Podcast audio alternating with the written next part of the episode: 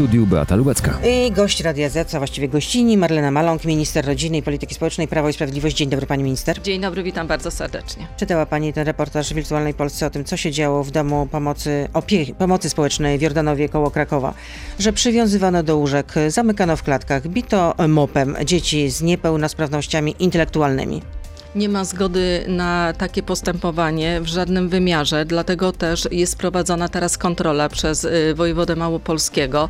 Wyniki tej kontroli poznamy i przede Kiedy? wszystkim y, myślę, że na dniach. Myślę, że na dniach ja Ale to jeszcze spodziewam w tym tygodniu, czy jeszcze w przyszłym Ja tygodniu? spodziewam się, y, dzisiaj na bieżąco jestem w kontakcie, zresztą przede wszystkim tak, kontrola jest przeprowadzana już od ubiegłego tygodnia, a ja zleciłam dodatkowe Jak to od ubiegłego tygodnia? To znaczy już wcześniej wiedzieliście, że dochodzi do tego, tego typu skandalicznych zachowań? Nie, jeżeli chodzi o y, sytuację w tamtym domu, już była kiedyś przeprowadzana kontrola. y, Wojewoda y, podjął decyzję o przeprowadzaniu I kontroli. nic nie wykazała, że dzieje się tam źle?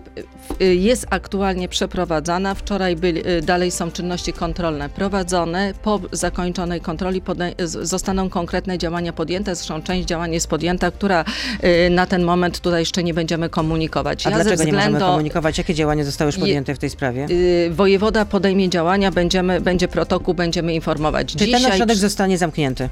Y, Przede wszystkim tak, ja zleciłam kontrolę na terenie całego kraju wszystkich DPS-ów. Przypomnę jeszcze A jedną, czy takie kontrole, panie minister, nie powinny odbywać się w takim razie prewencyjnie? ale kontrole, pani redaktor, odbywają się. Przede wszystkim musimy tutaj uporządkować stan wiedzy. Domy pomocy społecznej są prowadzone przez samorządy. Przez samorządy powiatu, gminy czy też y, urzędy marszałkowskie. Y, te y, samorządy mogą zlecić prowadzenie takiego domu, sami mogą prowadzić lub zlecić jakiejś organizacji. Tutaj w tym przypadku było zlecenie y, organizacji prowadzenia tego domu y, pomocy społecznej. Nadzór nad tym sprowadzi w wyniku tej umowy podpisanej też to starostwo, które podpisało umowę, przekazało do prowadzenia i jest zobowiązane te nad... i wojewoda. I Czyli wojewoda w takim razie kto zawinił? Starostwo, wojewoda? Y, Pani redaktor, kto zawinił, będziemy oceniać przede wszystkim po zakończonej kontroli. Nie, I to jest skandal, że takie, jeżeli to się potwierdzi całkowicie, że takie zdarzenia miały miejsce, to przede wszystkim są konkretne kroki, które po, do organu, który prowadzi dane do, Czyli do będą starostwa, tak? pod, y, podjęte. Y, Ale czy, taki, czy na ten moment, na tę chwilę, jak pani przeczytała ten reportaż i czy w takim razie ten ośrodek powinien zostać zamknięty? Pani redaktor, czy zamknięty, to jeżeli nie będzie sprawowana opieka nad, y, nad tymi y, mieszkańcami, którzy tam są. Dzisiaj sprawdzane są czynności i są zabez... przede wszystkim dobro tych y, mieszkańców jest dobrem najwyższym, dlatego Ale czy też w takim ci- razie, czy w takim razie siostry, prezentki cały czas powinny zarządzać tym ośrodkiem, tym, dom, tym domem pomocy, pomocy społecznej? Zostanie zakończona kontrola, podejm- e, zostaną podjęte konkretne decyzje. Z- Przede wszystkim musimy tutaj cały czas pokazywać to, że nie ma zgody absolutnie na takie działania, żeby w jakikolwiek No. sposób osoby najsłabsze, To osoby, dość które... oczywiste, że nie ma zgody, tylko generalnie jak mogło się, jak to mogło, y, jak mogło do tego dojść, że to jednak trwało latami i nikt nic nie wiedział, no co tam się dzieje. Y, No czy latami to przede wszystkim musi, musimy do, y, musi kontrola wojewody to sprawdzić. Y, Kontrola, ten dom był kontrolowany wcześniej. I nie wykazał żadnych, nie, i nie, że dochodziło do jakichś nieprawidłowości, tak? Tego typu nieprawidłowości nie. Natomiast powtórzę raz jeszcze, nie ma zgody na takie działania i pełna konsekwencja tych działań będzie podjęta i to bez względu jaki organ jest prowadzący dla danego domu, przede wszystkim i dlatego zlecone kolejne kontrole w domach. Jeśli to się potwierdzi, że faktycznie dochodziło do takich skandalicznych zachowań, no to co wtedy, w takim razie, kto za to poniesie odpowiedzialność, jeśli chodzi o organ prowadzący? Jeżeli y, y, zostaną konkretne zarzuty postawione, to te osoby, którym zarzuty będą postawione, od, odpowiedzą przed prawem. No No, przecież zarzuty nie ma są przyz... postawione dwóm zakonnicom, Nie ale ja przy- mówię o organie nadzorującym. No przecież ktoś jednak sprawuje nad tym nadzór. Rozmawiałyśmy, mówiła pani starostwo i wojewoda. Dokładnie tak i jeżeli, nie, jeżeli nieprawidłowości się potwierdzą, na pewno będzie przede wszystkim zabezpieczenie tych mieszkańców, którzy są w tym domu jest priorytetem, a więc może nawet dojść To, do się, to zamknięcia. co się z nimi teraz stanie w takim razie? W tym momencie jestem w kontakcie bezpośrednim z wojewodą, panem Łukoszem Kmitą. Mieszkańcy są zabezpieczeni, mają opiekę, sprawowaną opiekę. Przez y, te same zakonnice? Y, Pani redaktor, tam nie pracują y, tylko zakonnice. Ja wiem, że nie Y, pracują, Więc ale są również zakonnice zabezpieczo- są za, i nie stygmatyzujmy tutaj zakonnic, bo w różnych domach na przestrzeni wielu lat takie incydentalne zjawiska miały miejsce i to bez względu na to, czy to siostry prowadziły, czy, czy świecy. Nie ma zgody na jakąkolwiek takie zachowanie. Ale czy nie jest tak, że jednak placówki prowadzone przez instytucje kościelne są w pewien sposób nietykalne? Nie, absolutnie tak nie jest. Wszystkie placówki, bez względu na to, czy są prowadzone przez osoby świeckie, czy osoby, y, czy osoby zakonne, są tak samo kontrolowane, podlegają temu samemu prawu i nie ma zgody nas y, na to, na łamanie prawa w żadnym zakresie i przede wszystkim krzywdzenie osób, które No to jest, są najsłabsze. pomoc psychologiczna też dla tych dzieci. Tam jest cały czas udzielana pomoc. Tam, y, według standardów, które są w domach pomocy społecznej, są opieka psychologiczna jest zapewniona, opieka wzmocniona psychologiczna. Także cały czas y, y, bynajmniej ten ośrodek jest pod nadzorem w tym momencie pana wojewody. Czyli kto się y, opiekuje teraz tymi dziećmi? Tam konkretnie. W tym domu są osoby, które y, są zatrudnione, które wykonują swoje zadania zgodnie z tym y, swoim zatrudnieniem i one się opiekują. Y, y, Urząd, y, Małopolski Urząd Wojewódzki, y, przeprowadzając kontrolę, zabezpiecza też dodatkowe czynności, aby mieszkańcy tego domu byli bezpieczni. To jest pytanie o Agnieszki Dudzińskiej. To jest kandydatka Prawa i Sprawiedliwości na RPO. Była kandydatka, no nie doszło do jej powołania na to stanowisko. I e, pani Agnieszka pyta, kiedy w Polsce znikną domy pomocy społecznej dla dzieci dla osób z niepełnosprawnością intelektualną czy autyzmem? Dlaczego nie realizujemy unijnego wymogu, wymogu deinstytucjonalizacji opieki? Czyli chodzi o obecność w rodzinach zastępczych.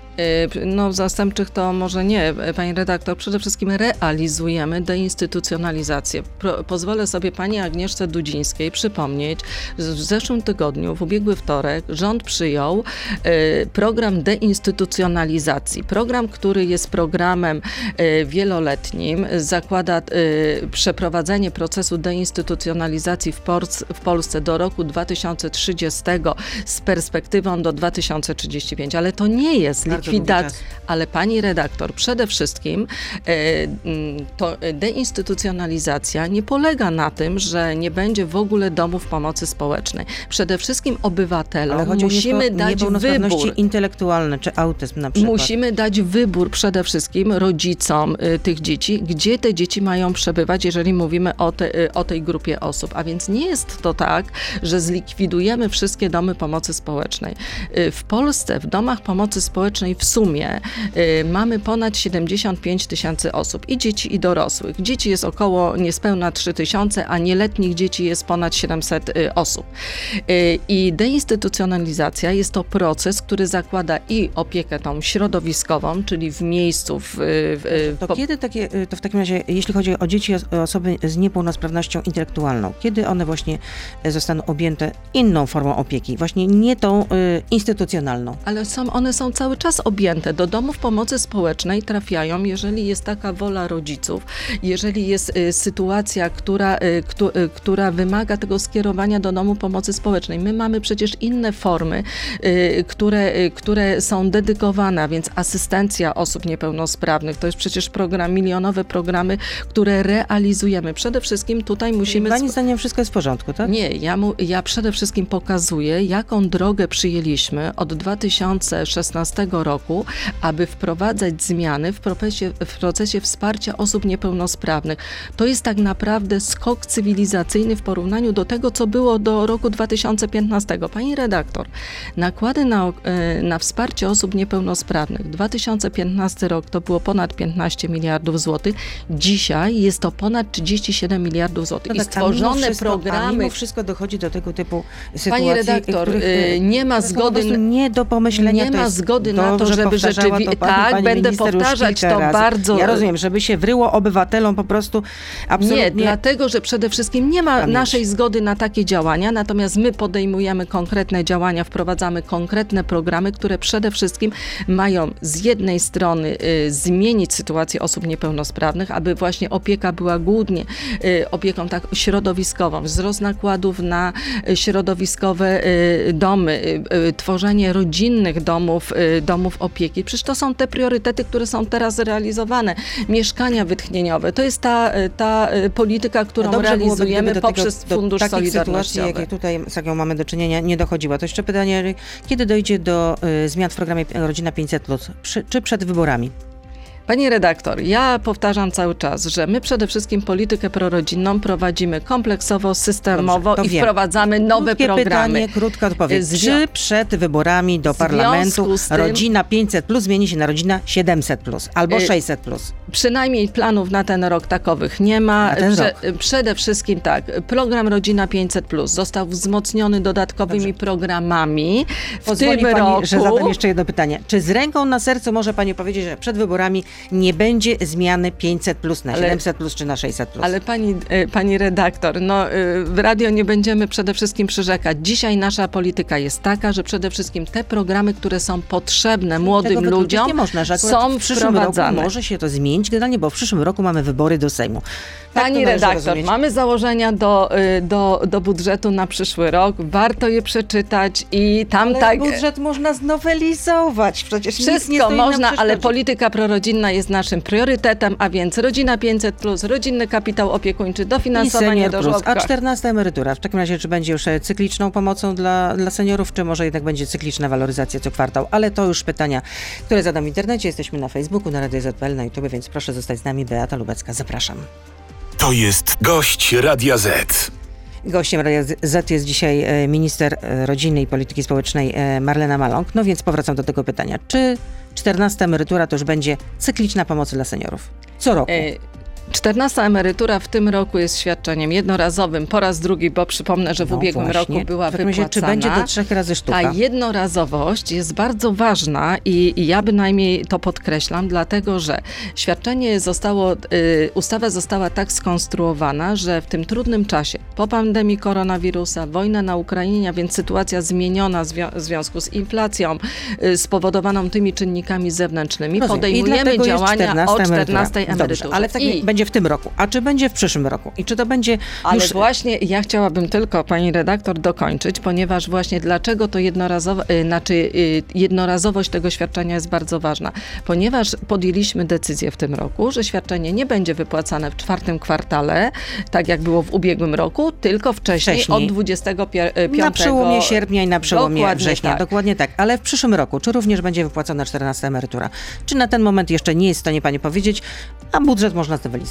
Y, Powiem tak, że będziemy starali się, aby sytuacja emerytów była jak najlepsza. Oparta, y, ta polityka senioralna jest oparta na takich dwóch filarach wsparciu finansowym i aktywności i dlatego też, jeżeli będzie takowa potrzeba, na pewno wtedy to świadczenie będzie y, w formie ustawy po raz kolejny realizowane. Czyli na ten moment nie możemy powiedzieć, że będzie to już e, Ale z, perspekty- z 14 perspektywą, że będziemy się starali, żeby... Czyli niewykluczone, że w przyszłym roku 14 emerytura również będzie wypłacona, tak? Tak.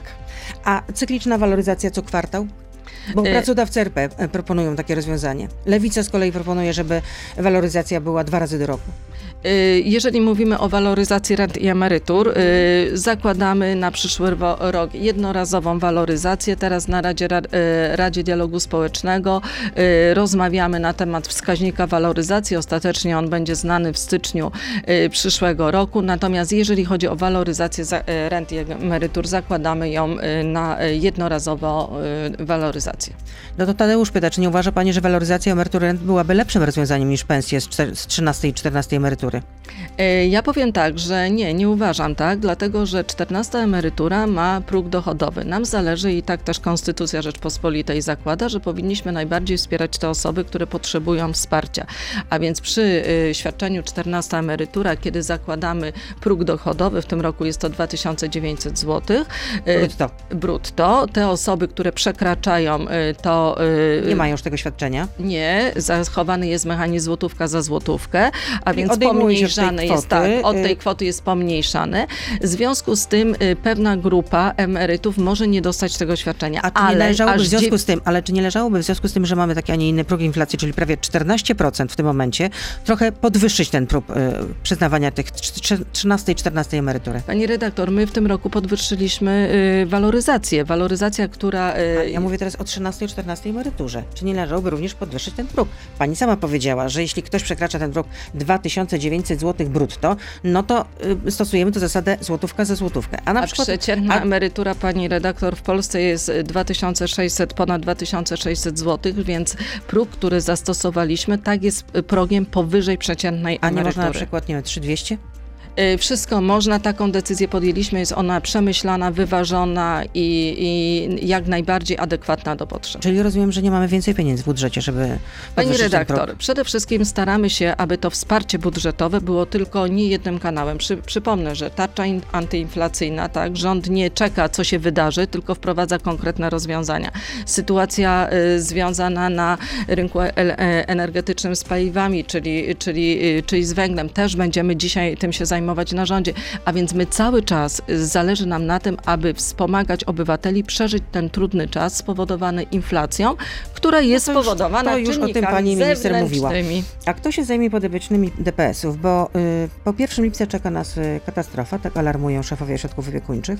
Chodzi o to, że y, w życie weszła ustawa o podwyżkach dla pracowników y, ochrony zdrowia i doprowadzi to do załamania opieki nad osobami starszymi i niepełnosprawnymi. Tak uważają szefowie ośrodków opiekuńczych. Po prostu nie będą mieli pieniędzy na prowadzenie tych placówek. I co Pani ma pani, redaktor, e, y, pani a-. No dobrze, ale domy pomocy społecznej i inne środki opieki długoterminowej, to ich działalność nadzoruje Ministerstwo y, Rodziny, tak czy y, nie? Pani redaktor, jeżeli chodzi o domy pomocy społecznej i wynagrodzenia pracowników pracujących w domach pomocy społecznej, ja przypomnę to, co, od czego rozpoczęłyśmy dzisiaj. Domy pomocy społecznej to są y, ym, jednostki prowadzone przez samorządy i samorządy ustalają wynagrodzenia dla pracowników między innymi domów pomocy społecznej. Nie ma to związku z ale, ustawą. samorząd, z- y, no, ale z- samorządy też generalnie gonią w piętkę.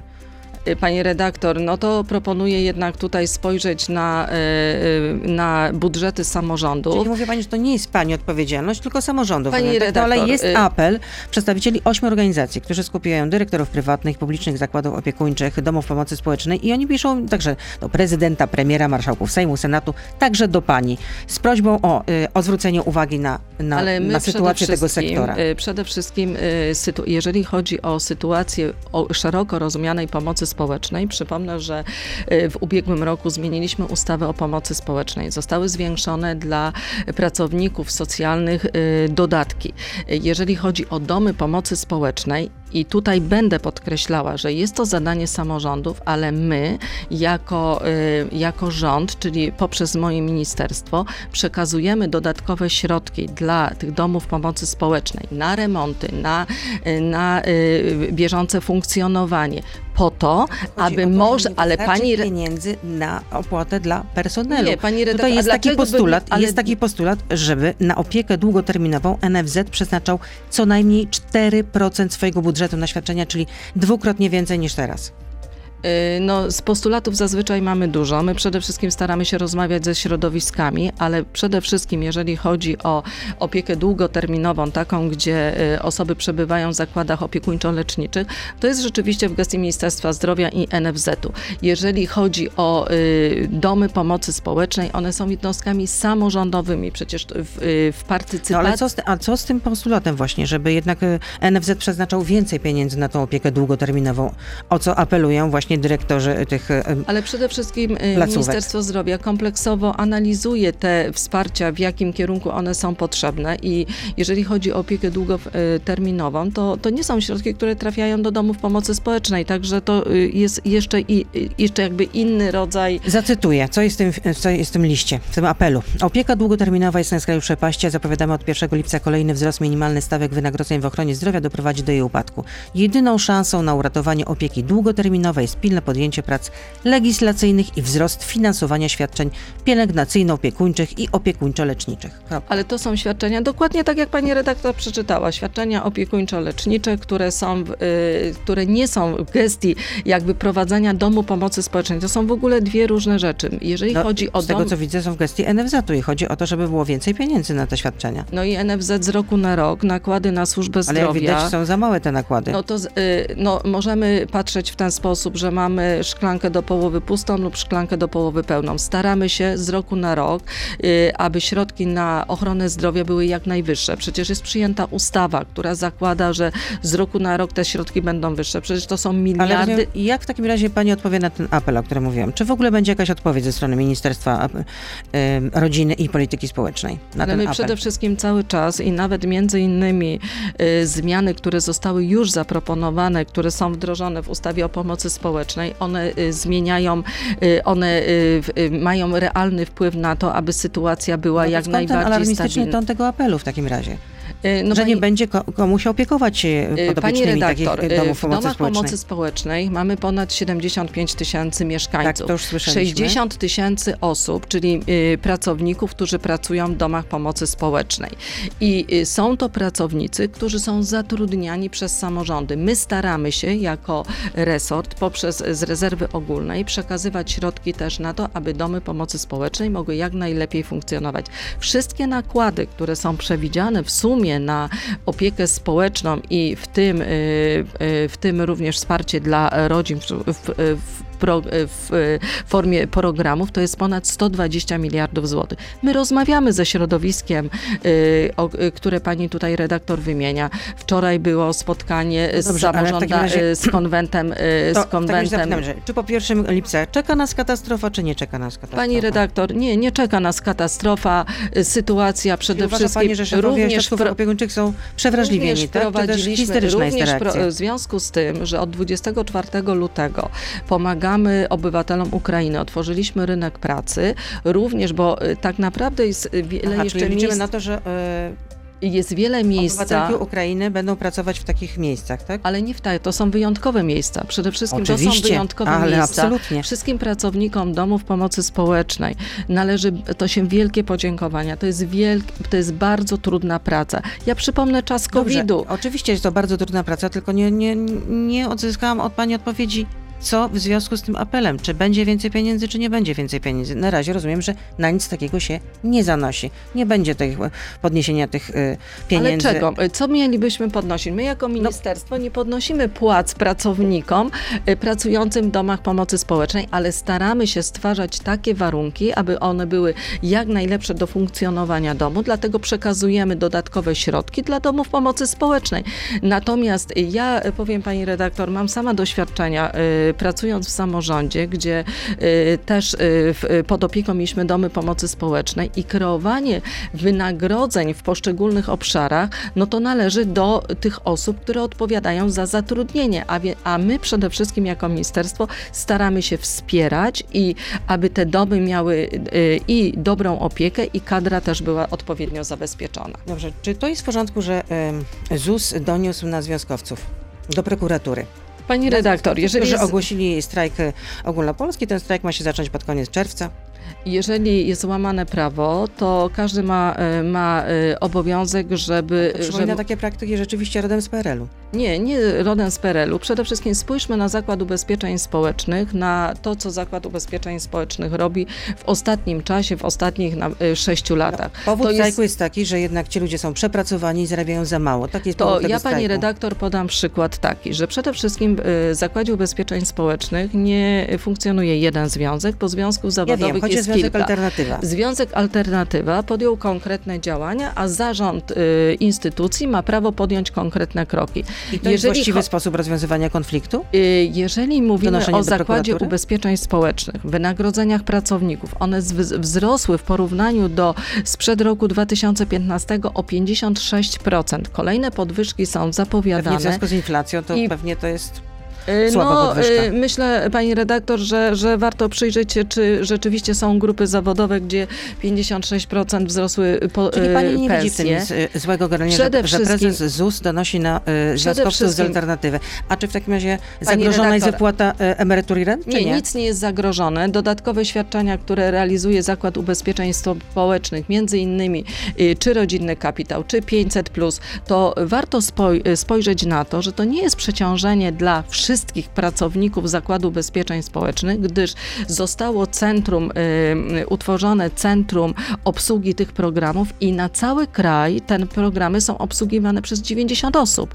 A więc nie, y, przede wszystkim zarząd Zakładu Ubezpieczeń Społecznych stara się być nowoczesną instytucją, w pełni scyfryzowaną. Przecież przypomnijmy sobie czas pandemii. Ta nowoczesna Kie- instytucja donosi do prokuratury. Jeszcze jedno pytanie, bo wiem, że muszę panią minister dzisiaj o 8.28 wypuścić z tego studia, bo pani ma jeszcze jeden wywiad. Okej, rozumiem, nie do końca mi się to podoba, ale rozumiem. Dobrze, poprawimy się następnym E, Tak, razem. wolałabym jednak, żeby to było, e, że jak pani przychodzi do Radia Z, to żeby była w takim razie tylko w Radiu Z tego dnia. Przynajmniej o poranku. Michał pyta, do rekordowych cen mieszkań dochodzą rekordowe ceny kredytów. To co by pani minister poradziła rodzinie, która teraz chce kupić mieszkanie? No ale przecież wprowadziliśmy, y, wprowadziliśmy wakacje kredytowe, tak? Że rząd nie czeka na to, że jak trudno Ale będzie dla, oby- dla tych, którzy już mają kredyty. No a jak ktoś nie ma kredytu, No jeżeli ktoś nie ma, to się będzie zapewne o ten kredyt starał i będzie starał się y, ten kredyt y, chodzi o rodzinę, która dopiero chce kupić mieszkanie, nie która już kupiła, tylko Ale jeżeli kupić. chce kupić mieszkanie, no to zna swoją zdolność kredytową, występuje y, do określonego banku o y, kredyt, no i y, y, rozkłada ten kredyt w miarę swoich możliwości. No przecież przede wszystkim, y, pani redaktor, wspieramy te osoby, które już wzięły kredyt. Sytuacja związana z inflacją y, jest taka, No i NBP inna. to skrytykowało generalnie, że te wakacje kredytowe nie powinny być dla wszystkich, tylko dla tych, którzy rzeczywiście mają problemy ze spłatą, że ta spłata kredytów to jest więcej niż połowa pensji. Znaczy, możemy różnie podchodzić y, do różnych zaproponowanych rozwiązań, natomiast wakacje kredytowe, kiedy y, rzeczywiście przeanalizujemy, to jest dobre rozwiązanie, które pomaga osobom, które dzisiaj mają kredyt. Sytuacja związana z inflacją y, jest Ale co by tak, pani radziła tym, którzy chcą teraz kupić mieszkanie? No po prostu muszą poczekać na lepsze czasy w takim razie. nie muszą czekać, jeżeli mają zdolność kredytową, są w A stanie... jak nie mają? Ale przepraszam, jeżeli No nie to- mają, to nie biorą kredytu. No to do, do, oczywiście, że nie dostaną kredytu. 8.28, 30 sekund. Marlena Maląg, minister e, rodziny i, pra, i polityki społecznej była z nami. Dziękuję bardzo. Dziękuję bardzo, I życzę dnia. dużo zdrowia. Dziękuję bardzo. To był gość Radia Z. Słuchaj codziennie w Radio Z i na player radioz.pl.